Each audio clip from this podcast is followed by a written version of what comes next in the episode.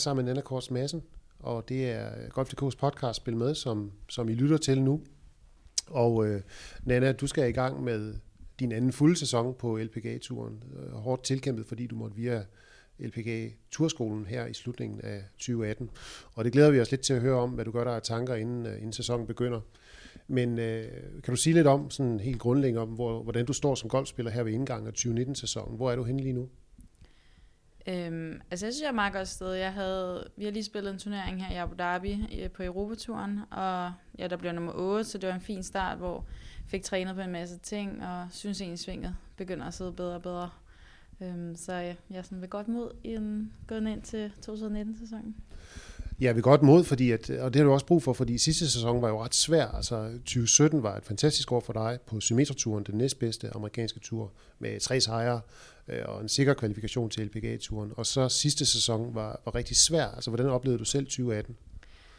Altså, øh, ja, jeg ved ikke, altså det startede med, at jeg ikke lige kom så godt fra start, og så synes jeg allerede, jeg stressede lidt for hurtigt i sæsonen, allerede måske ved femte turnering, og tænkte, ej, nu har jeg ikke så mange turneringer tilbage. Øhm, så på den måde, så lærte man jo også nogle ting i forhold til sidste år, at altså, der er masser af turneringer, og det kræver egentlig kun et godt resultat, så har man holdt sit kort. Øhm, så ja, jeg, jeg tror bare, man, jeg lærte rigtig meget sidste år, og ja, så glæder jeg mig egentlig bare til en ny frisk start, hvor man skal ikke tænke på den forrige turnering og sådan noget, pengelisten og noget. Og hvad, hvad kommer du så til at gøre anderledes? Altså, for det første har jeg Caddy fuldstændig på plads fra start af. Det havde jeg ikke sidste år. Øhm, og jeg fortæller lige lidt om, hvem din caddy så er. Øh, min kæreste Nicky, han går caddy for mig. Øhm, så han skal faktisk med hele året, bortset fra lige Australien.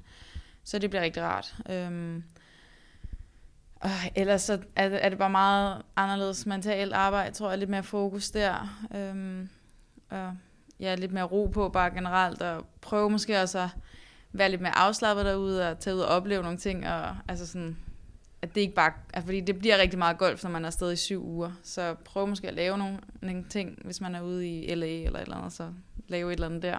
Øhm, så ja, have det lidt mere afslappet forhold til LPGA også. Har du gjort dig skyldig i at, at være for fokuseret sidste år? Ja.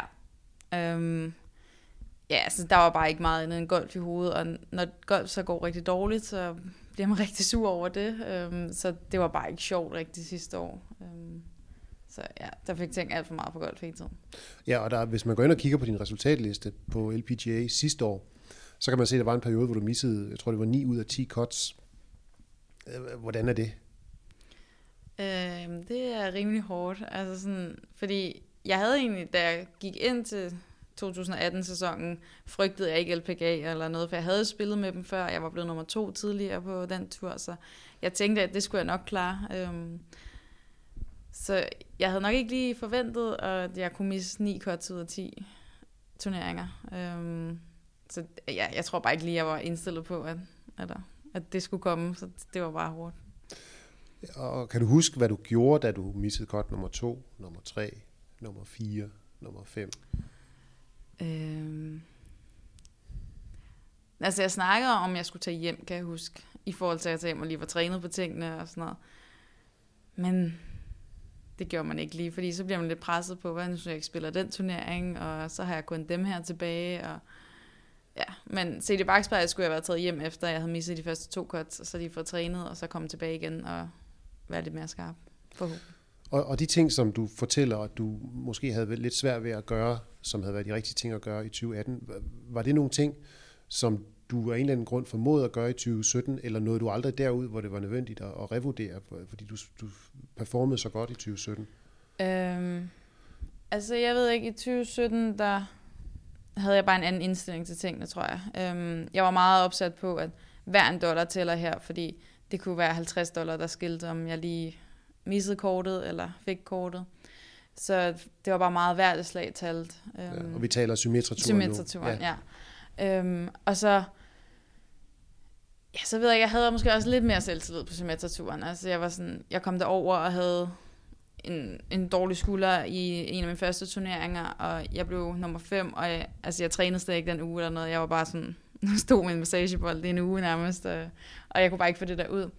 Men og blev nummer fem, og så var jeg sådan, okay, hvis jeg kan blive nummer fem her, når jeg virkelig ikke synes, jeg har det godt, og spiller heller ikke super godt, så skal jeg nok klare det her år. Så jeg tror bare måske, selvtiden var det et andet sted det år. Øhm, ja, altså. Det lyder som om en god start i 2017, og en, og en dårlig start i 2018. Hver især var udslagsgivende for hele sæsonen. Er det, er, ja. er det korrekt forstået? Ja, altså det, ja, man kan sige, 2017 startede jo også ud med en anden plads på LBA, og altså, det giver jo også meget selvtillid, så en start er bare altid vigtig. En god start er altid vigtig. Det, det Tror gør du, du bedre klædt på til at håndtere en dårlig start i år, hvis den skulle komme? Ja, nu har jeg prøvet det, og nu ved jeg, hvilke fejl jeg lavede sidste år, og dem skal jeg i hvert fald ikke gentage sig. Og, og noget af det, du nævner, det er, at øh, du har Caddy-aftale på plads. Øh, men, men du har også fortalt mig om tidligere, at, at det måske ikke var en god idé at have en, du havde så til et forhold til på bagen. Altså kan du prøve at fortælle lidt om, hvordan I nåede frem til, at det så alligevel skal være, være din kæreste, der skal gå Caddy for dig? Øh, ja, altså... Øh, jeg havde faktisk besluttet mig for, at det ikke skulle være ja, min kæreste, som gik Caddy for mig. Øh, men nogle gange er jeg også bare lige en, hvor at man skal kunne sige sådan, nu stopper du fandme, Nana, eller tag dig nu sammen. Og det tror jeg måske nogle andre katte, jeg vil have lidt sværere ved, hvor Niki han kender mig lidt bedre og ved godt, øh, ja, nu skal du stoppe, eller altså han tør at sige lidt mere til mig. Øhm, så det tror jeg er en stor hjælp. Og så også bare have en at rejse med, og sådan, det, det, er også, det hjælper også på det. Ja, fordi at, at jeg er også lidt interesseret i at høre, hvordan hverdagen er forskellig fra symmetratur til øh, LPGA-tur. Fordi jeg ved, på symmetraturen, der, der boede du meget hos nogle værtsfamilier, housing families, som øh, udover at lægge tag over hovedet på dig, også sørgede for noget transport og noget mad og så videre, så man havde noget hjemligt. Øh, og hvordan, hvordan gjorde du egentlig, da du så kom ud på, på den store tur i 2018? Øh, jamen, jeg startede med at bo med en pige, der hedder Hannah Green. Øhm, og det var meget fint. Øhm, som værelseskammerater som på hotellerne? Ja, og vi boede også i noget housing. Der kan man også bo på housing i på LPG. Øhm, så vi havde det faktisk rigtig fint sammen. Øhm, men ja, der var ikke sådan lige styr på kattesituationen og sådan noget, så det var lidt forskellige lokalkatte, jeg havde i starten, og det holder bare ikke rigtig i længden at få en ny kat i hver uge.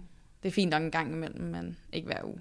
Ja. Kan du fortælle om nogle oplevelser, hvor du, hvor du tænkte, at det er altså noget møg det her, jeg står med en lokal katte, som jeg ikke svinger med, eller som ikke kan sit job, eller... Øh, jeg tror ikke lige, jeg har nogle specielle episoder, men ja, det er bare anstrengende hver uge at skal lære et nyt menneske at kende, og altså man går alligevel rimelig tæt på hinanden i mange timer i løbet af sådan en uge, så det er bare rart at have man kender, og man lige kan joke lidt med, og sådan noget ting. Og, og du, du nævner også det her med hverdagen derude, og når man misser cuts, så har man jo mange weekender, hvor man har, har fri. Altså hvad, hvad, hvad får man tiden til at gå med, når man er inde i en dårlig periode, og så pludselig har ekstra fritid. Du kan jo ikke lige rejse hjem til Danmark for en forlænget weekend. Nej, det er lidt svært. Eller det, det, det er dyrt. Det er dyrt i transport, ja. Men altså, så er det jo bare tilbage på rangen og træne, mens man kan se de andre til ud. Så det, det er ikke nogen særlig sjove træningsdage, de der lørdag og søndag. Specielt ikke, når der er ni uger i træk. Der... Så ja, det bliver lidt, lidt trist. Um, men altså, man må jo bare tænke, at det er det her arbejde, der skal til, hvis det skal lykkes på et eller andet tidspunkt. Og, og de træningstimer, som du snakker om, hvor de andre er ude og spille om penge, og, og du bare bruger penge, øh, mm. var du i stand til at få noget konstruktiv træning ud af det? Øh, jeg synes, da, da Nikke han begyndte at komme med, han kom med i sådan sommeren i sidste år, så han er jo også golftræner, så han kunne hjælpe mig lidt i forhold til at tjekke op på de ting, mig og David, som er min træner herhjemme. Um, David Dickmeis. David Dickmeis. Um, ja, så han kunne hjælpe lidt med at tjekke op på de ting, vi har snakket om, og få taget nogle videoer, og ja, bare få snakket om tingene. Man lige, nogle gange kan man godt lige komme, ej, synes du lige, jeg lige skal prøve det her, og så det er overhovedet ikke det, der, der gør, at man holder sig på sporet. Så. Øh, og så nævner du, at, at i år, der vil du prøve at se, om du kan, kan lave nogle flere ting, som ikke har noget med golf at gøre, se nogle ting. Øh, og det, det, det er egentlig ret anderledes i forhold til, hvad jeg hører andre golfspillere sige, når de er på turen, at de stort set aldrig ud at se noget. Men hvad, hvad er det, øh, hvorfor skal du det? Ud og se, øh, se byer og se turistattraktioner? Mm, det ved jeg ikke. Altså, jeg er ikke sådan totalt golfnørd, der bare har lyst til at være på golfbanen fra klokken 8 morgen til 5 aften. Så jeg tror bare, jeg har brug for altså, lige lave nogle andre ting, og lige være en anden Anna på nogle tidspunkter. Øhm, Altså, jeg, jeg synes, det er virkelig irriterende at sige, at jeg har været på New Zealand to gange, og jeg har slet ikke set noget på New Zealand. Um, og jeg har været i Japan tre gange, og jeg har ikke set noget som helst. Så hvis man bare lige sådan en dag, eller en halv dag, bare lige kan se et eller andet, så... Jeg synes bare, at man kommer lige lidt ned i tempo, og får lige tænkt på noget andet. Det, det for mig fungerer det meget godt, i hvert fald. Ja, hvad skal I så ud og se? Eller hvad skal du ud og se? Mm, det ved jeg ikke endnu. Altså, øh, det kommer lidt an på, hvilken by vi er i. Altså, hvis vi er i Chicago, så kan jeg godt lige bare gå i byen og ja, tage på stranden og sådan noget. Ja, og øh, altså er du også meget fokuseret på, at de her år, du får som professionel golfspiller, skal være en oplevelse samtidig med, at det skal være øh, en tilfredsstillelse af, af nogle ambitioner, du har? Altså, jeg er i hvert fald optaget af, at jeg skal have det godt med det, jeg laver, og det skal ikke bare være surt arbejde. Um, så jeg skal i hvert fald finde en måde, hvor at jeg kan spille godt, og samtidig have det sjovt med at, at være derude, og synes, det er et fedt liv at rejse rundt hele tiden i en kuffert. Så. Jeg kan huske, da, da du startede sæsonen 2018 på LPGA, der sagde du, at øh, målet det var at, at spille godt nok til at komme med i Final Series. Hvad er målet for, for 2019? Øhm, det er det samme. Altså, jeg vil gerne til ja, Asian Swings der final. Så det er jo top 60 på LPGA-listen. Øhm, så det er egentlig mit primære mål. Og, og hvordan, øh, hvordan har du det i maven omkring opnåelsen af det mål? Altså er mavefornemmelsen god, øh, eller er du bekymret, eller er du i tvivl? Altså jeg tror på, at jeg godt kan lykkes med det. Øhm, altså jeg glæder mig til lige at komme ud og starte igen, og lige nu synes jeg, svinget sidder godt, og jeg synes, spillet er bedre, end det har været sidste år. Så jeg glæder mig til bare til at komme ud og få testet det af, og se om det er ligesom jeg tænker, det er. Øhm, og hvis det er det, så tror jeg i hvert fald på, at jeg nok skal nå det til Asians. Og du spillede, som du selv nævnte, en enkelt turnering i Abu Dhabi her i starten af året. Øh, og ellers så, øh, så talte jeg jo med dig i går i Smørum Golfklub, hvor der stod i sne og trænede. Altså, hvor, hvor meget en fornemmelse af, af, hvor du er, kan du nå at få øh, under de betingelser, som du har arbejdet på nu?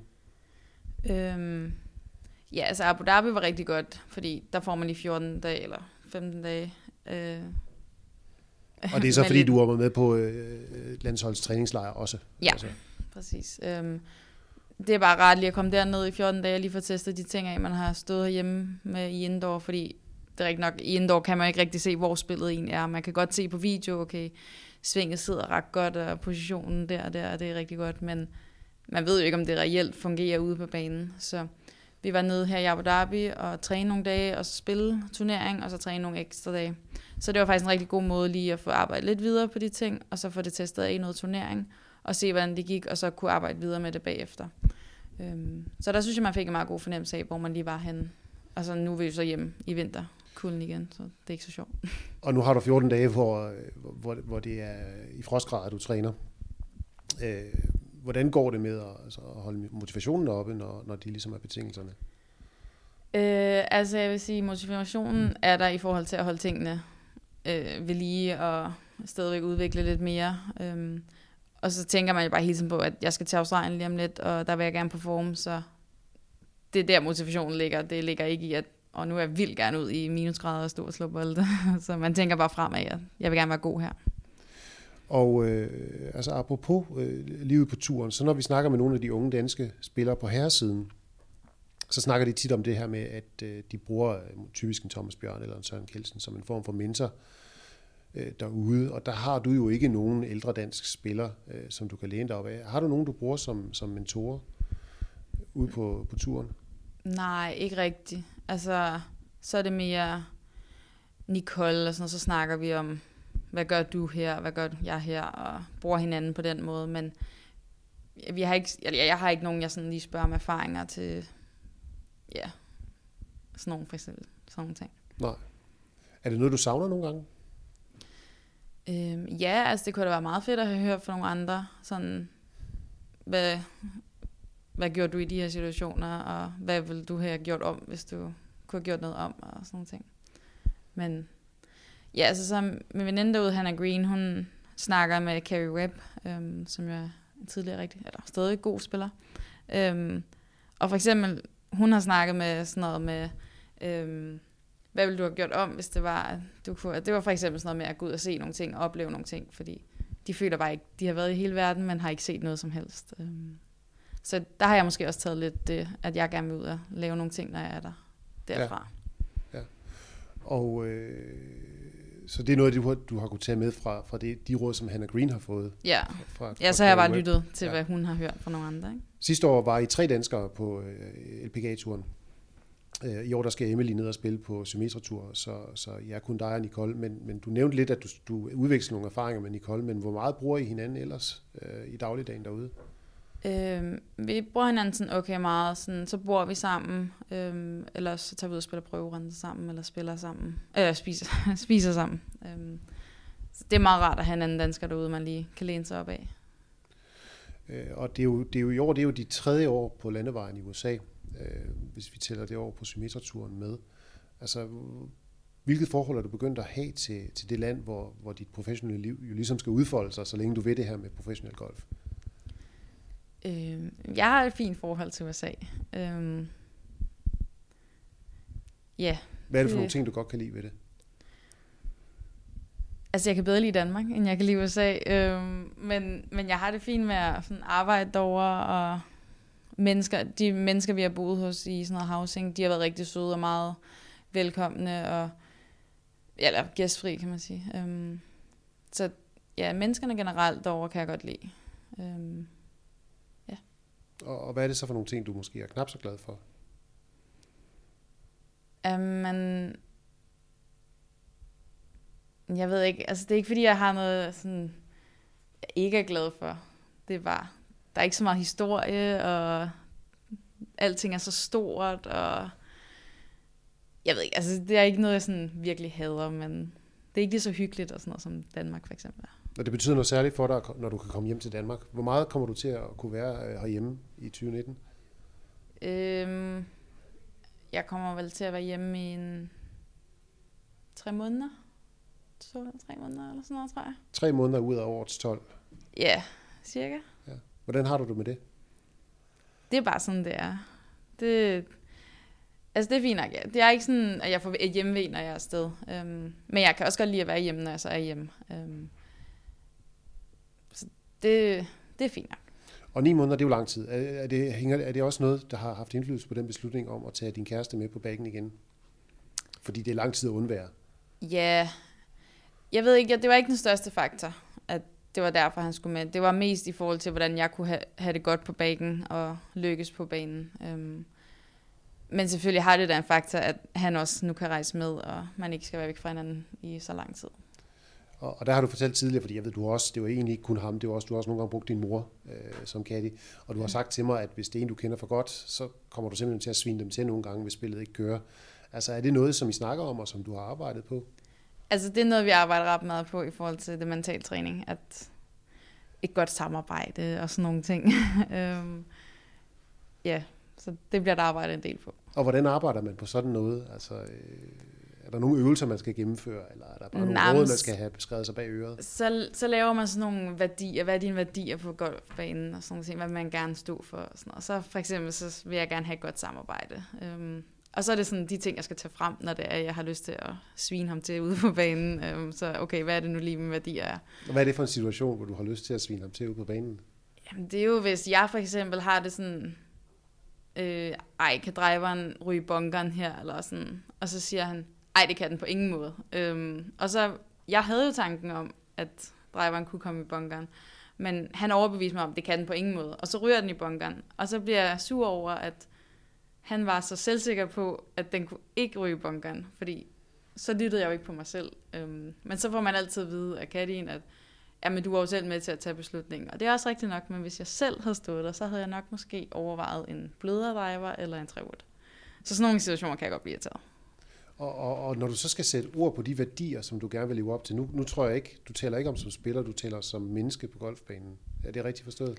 Øh, ja, altså også i forhold til, hvordan jeg kan lykkes bedst på golfbanen. Ja. Men hvad er det så for nogle værdier? Hvad er det for nogle ord, du bruger om de værdier? Du sagde øh, samarbejde, men der må være nogle flere. Jamen, så er det sådan noget med commitment. Øhm, ja, hvad var mine andre ord? det er ikke så godt. altså at, at turde committe sig op og forpligte sig på den gameplan ja, og de slag, med commitment og modig, og i forhold til, har man et slag over vand eller et eller andet, så finder man lige det der frem, at okay, jeg skal være modig i den her situation. Altså. Og, og når du fortæller om de situationer, hvor du kan blive irriteret på din caddy, så kommer jeg jo også til at tænke på det her med at, at, at tage ansvar selv. Altså, at uanset hvad caddien har rådgivet dig til, så er beslutningen at, at tage 100% ansvar for den, som spiller. Er det også sådan noget, du, du tænker på, at, at, at du skal arbejde med? Ja, altså det er spillerens ansvar. Øhm, og ja, det vil jeg da også gerne arbejde med. Men jeg synes også, man, man tager også beslutningerne sammen. Så altså, Katin er jo også en del af spillet. Øhm, han er jo ikke bare en taskebærer. Han bidrager måske til 10% af, af det, man kan. Ikke? Øhm, så noget af ansvaret ligger også der. Er du så lige så god til at, at sige tak og rose, når Katin kommer med øh, et råd, som du er uenig i, men som ender, ender med at vise sig at være korrekt? Øhm, øh, ja. Du smiler lidt nu og kigger ud af, vinduet og tænker på, om du kan komme i tanke om noget. om, om jeg er det. Øhm, altså, jeg er klart bedst også med mig selv til at skille mig selv ud, og nok også til at skille andre ud. Øhm, men jeg kan også godt rose en gang imellem. Ja, og øh, fordi at jeg ved, at du har også fortalt, at du har jo nogle gange fået bøder på grund af dit temperament, at du kom til at bande på banen og sådan noget der. Hvordan, øh, og det er halvandet år siden, vi snakkede sammen om det. Altså, er det stadigvæk noget, du arbejder med, eller er du blevet bedre til det? Altså, jeg tror altid, jeg vil arbejde med mit temperament. Det, det kommer nok ikke til at forsvinde fuldstændig. Øhm, jeg synes selv, jeg er lidt bedre til at styre det. Øhm, men det sker der, der er en smutter, og så må man jo betale sig fra det. Har du fået nogle bøder i 2018? Øh, ja. en. en, okay. En. Ja. ja. Og det er jo egentlig meget godt gået, hvis, når man tænker på alle de turneringer, hvor du har været frustreret trods alt. Ja, ja. Det, det er fint. Men der skal helst ikke komme flere. Det er der skal helst ikke komme flere. Men, men apropos dit temperament, altså man tænker jo også, det kan jo også godt være en force, en drivkraft i forhold til at præstere, at, at du har den her hissighed. Altså hvad, hvad tænker du selv om det? Altså jeg tænker, det er sådan, øhm, hvad hedder sådan noget, øh, altså det, skal, det sådan ligger lige, øh, det kan være godt, men det kan også være rigtig dårligt, øhm, fordi jeg har prøvet situationer, hvor jeg bare bliver sådan, nå okay, men så bliver jeg bare overhovedet ikke sur, så bliver jeg bare ligeglad. Og det kan jeg sagtens være, så er jeg bare ligeglad, men så kan jeg overhovedet ikke spille. Altså så er det bare, så er det spillet helt væk. Så altså, jeg tror på, at man skal have temperamentet, og man skal ville det, og få sådan lidt en fanden voldskid, at ej, nu vil jeg fandme lykkes med det her slag. Øhm, men det skal heller ikke komme over, at man slet ikke kan tænke på, hvad er opgaven, hvad det vigtigste er lige nu. Så det er en balancegang, du, ja. som er en stadig udfordring, når man er professionel golfspiller. Ja, det er, det, det er nok også en for, af de største udfordringer. For amatører. Ja. Jamen, er det, er det noget, kan du spejle dig i andre øh, af de her damespillere, og sige, jamen, men, men, men hende der har det på samme måde som mig, og hende der har det slet ikke, og hende der er endnu værre. Altså, er det noget, du går og skæler til, hvordan andre reagerer i bestemte situationer, og prøver at sammenligne med dig selv? Ja, altså, man, kan, man ved jo ikke 100% hvad der foregår i andres hoveder, men man ved jo, at okay, hende er også nervøs i den her situation, øhm, eller er nok også nervøs i den her situation. Altså, man kender også nogen som Susan Petersen, eller et eller andet, som også har haft vildt temperament. Øhm, så hende kan jeg da godt kigge nogle gange på, og sådan, okay, hun, hun taklede det ret flot her, øhm, og så blive inspireret på den måde. Og, og du nævner, øh, apropos de andre spillere, du nævner et par stykker, som du snakker med og samarbejder med, men hvordan er det ellers at komme som rookie, ny spiller på, på verdens største tour, og så i øvrigt komme fra et lille land, der ligger langt fra USA, og, og også langt fra, fra de asiatiske lande, hvor der kommer mange spillere fra. Hvordan, hvordan var den oplevelse øh, for dig?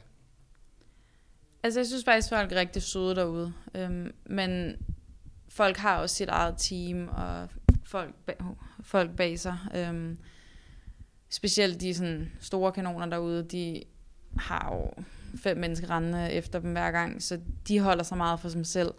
Men der er også rigtig mange søde derude at snakke med. Og, sådan noget. og hvad med dem, der du ligesom, øh, hvad skal man sige, bestod symmetrituren sammen med? Øh, var det nogen, du så snakkede sammen med året efter, fordi I ligesom havde samme vej ind på turen? Ja, altså det var sådan dem, jeg nok mest lige holdt sammen med. Um, Hannah Green var også for symmetrituren. Um, men ja, det er jo også bare, når man lige kender nogen, og så kommer ud på den store tur, så holder man sig nok lidt til dem. Men, men følte du egentlig sådan i det daglige et afsavn i forhold til dem derhjemme? Øhm, jeg synes ikke, når man er derovre, så tænker jeg ikke over, at ej, nu savner jeg godt nok at være hjemme, nu vil jeg gerne hjem. Det er egentlig nok mest, når man er hjemme, og man så skal afsted igen, så er man sådan lidt, ej, godt lige tage en uge længere hjemme. Øhm, men jeg har det fint nok, når jeg er derovre. Så, så er jeg faktisk lidt sådan, ej, nu gider jeg ikke hjem for to uger, fordi der, altså, jeg synes også, der er bare så mange ting, man skal ordne, når man lige er hjemme på to uger, når man ikke har været hjemme i syv uger. Hvad er det for nogle ting?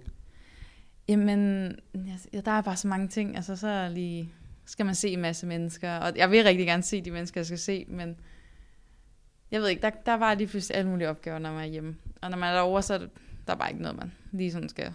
Så. Hvordan ville du have haft det med, hvis nu turskolen ikke var gået så godt, som den gik? Hvordan ville du have haft det med at skulle have et år mere på Symmetratur? Øhm, altså, jeg havde gjort det, men jeg havde nok ikke synes det var sær- særlig fedt.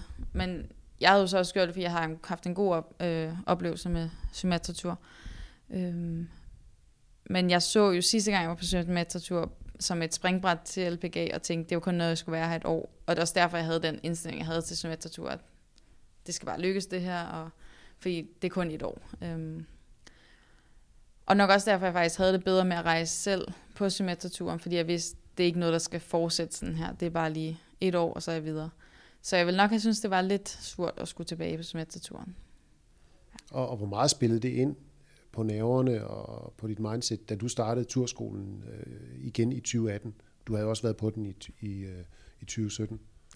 Øhm, altså, jeg troede faktisk ikke, at, at øh, jeg ville behøve at komme tilbage på semesterturen, fordi jeg troede, jeg ville have fået flere starter, end jeg nu har fundet ud af, at jeg ville have fået. Så altså, jeg troede faktisk, jeg havde noget lidt større, eller lidt mere adgang til LPG, hvilket det viser sig, jeg ikke ville have haft.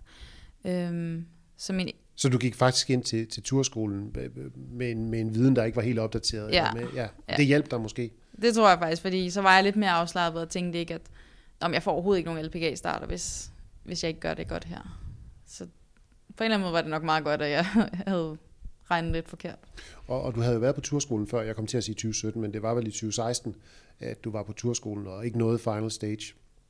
Øh, den erfaring, du havde fra 2016, øh, hvor meget hjalp den dig i forhold til at skulle på turskolen igen i 2018? Mm. Jeg ved ikke, jeg tænkte ikke så meget tilbage på 2016. Øhm, jeg har sådan lidt blandet oplevelser med kvalder. Altså sådan, jeg har nogle gode kvalder, og så nogle ikke så gode kvalder. Øhm, men generelt har jeg faktisk et godt syn på kvalder. Så jeg frygtede ikke sådan kvalden super meget. Men, men hvilken stemning er der på, på damernes uh, turskole? Fordi man hører tit om Europaturens turskole for herrene, at det, det er sådan meget trykket stemning og meget alvorstung og, og, og så videre. Er det på samme måde i USA? Mm, det synes jeg faktisk ikke. Jeg synes faktisk, det var meget afslappende. Øhm, men nu er der også mange af de piger, som jeg havde spillet symmetratur med året før. Og jeg synes egentlig, at symmetratur er vildt afslappende, og folk er nærmest bare derude og sådan en kaffeklub, så jeg synes egentlig, det var meget hyggeligt turskole. Meget hyggeligt, og det gik jo godt. Altså, hvad gør man så for at fejre sådan noget bagefter? Øhm, Eller gjorde du noget? Nej, jeg ville vi tog ud og spise. Og ja, bare sådan det er at skulle hjem dagen efter. Så, ikke noget specielt fejring. Ikke noget specielt? Mm-hmm. Noget, som til gengæld måske nok har været lidt mere afslappende, det var, at du var på træningslejr med øh, det danske landshold og det øvrige danske pro-team. Der er jo en række professionelle spillere, der stadigvæk er tilknyttet øh, DGU's øh, træningsaktiviteter. Øh, og, og der har du så mulighed for at gå op og ned af, af nogle af de yngre damespillere i landsholdsregi, og, og så kan jeg jo ikke lade være med at tænke på, hvad, hvordan ser du på mulighederne for, at vi kan få endnu flere dygtige proer end, end, end jer tre, der har været på LPG, og så Malene Krølbøl, som også starter på semesterturen nu. Altså, hvordan ser fødekæden ud? Øhm, mm, det, ser da, det ser da godt ud. Øhm, der er rigtig mange gode talenter på vej op. Øhm, Ja, jeg ved ikke lige. Er der nogen, hvor du tænker, nu var der jo også, der var jo også øh, seks damer, der fik bronze ved EM her øh, til sommer. Men er der nogen af dem, du tænker, at, at, at de kommer til at klare sig rigtig godt, eller det, det er nogle spændende navne? Altså, hende Amalie Let, øh, jeg tror kun hun er 14 år og spiller, øh, har, hun har vist det, jeg har faktisk ikke set hende spille, men jeg hørte Nicole snakke om, at jeg så hende på Rainsen nogle dage og sådan noget, og det så vildt godt ud. Øh, så altså, hende tænker jeg, hun har mange år endnu, før hun behøver at tænke på at lige at skal ud. Øhm, så hun, altså, hun har bare masser af tid til at udvikle sig endnu mere, og ja, hun gør det allerede rigtig godt, så hende tror jeg i hvert fald, der kunne være gode fremtidsmuligheder i. Ja, fordi nogle af dem, der er med på, på sådan en landsholdslejr, det er jo øh, ganske unge spillere, øh, som er pigespillere, eller også drengespillere for den sags skyld. Hvor mange af dem kommer hen til dig og, og spørger om råd?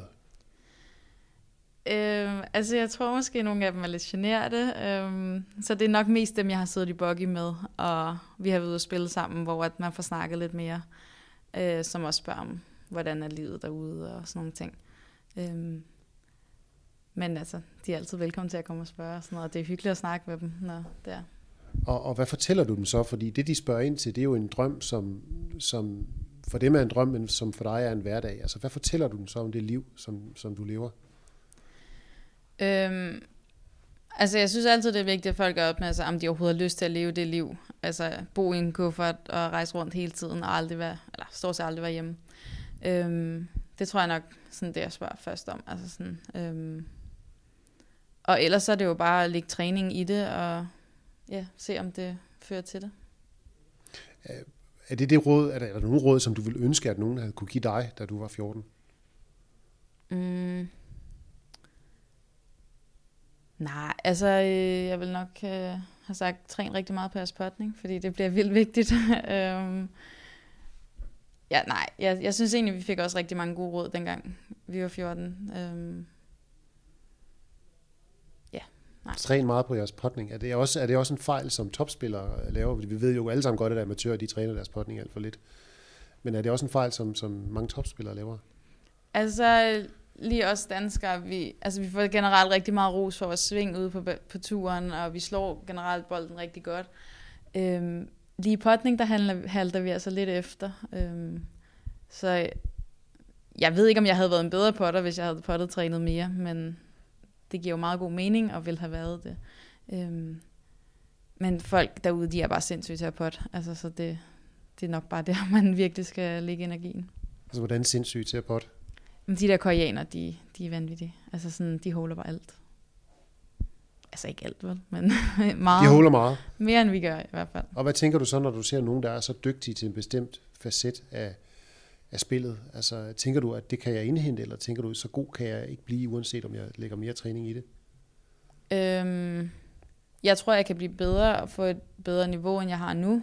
Øhm, jeg ved ikke, om jeg kan komme op på det niveau, en koreaner for eksempel har. Øhm, altså, det er jo ikke alle koreaner, der bare potter vanvittigt, men generelt så potter de godt.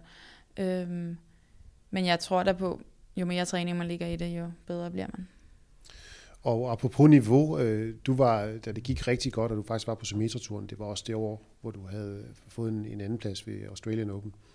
Der var du oppe i top 70 i verden, og nu ligger du nummer 242. Øh, hvordan synes du, øh, det udtrykker dit reelle niveau?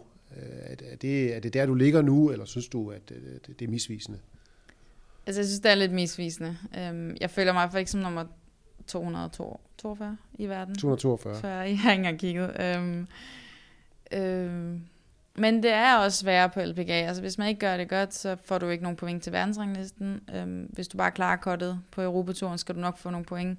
Og det er bare nemmere at klare kottet på Europaturen.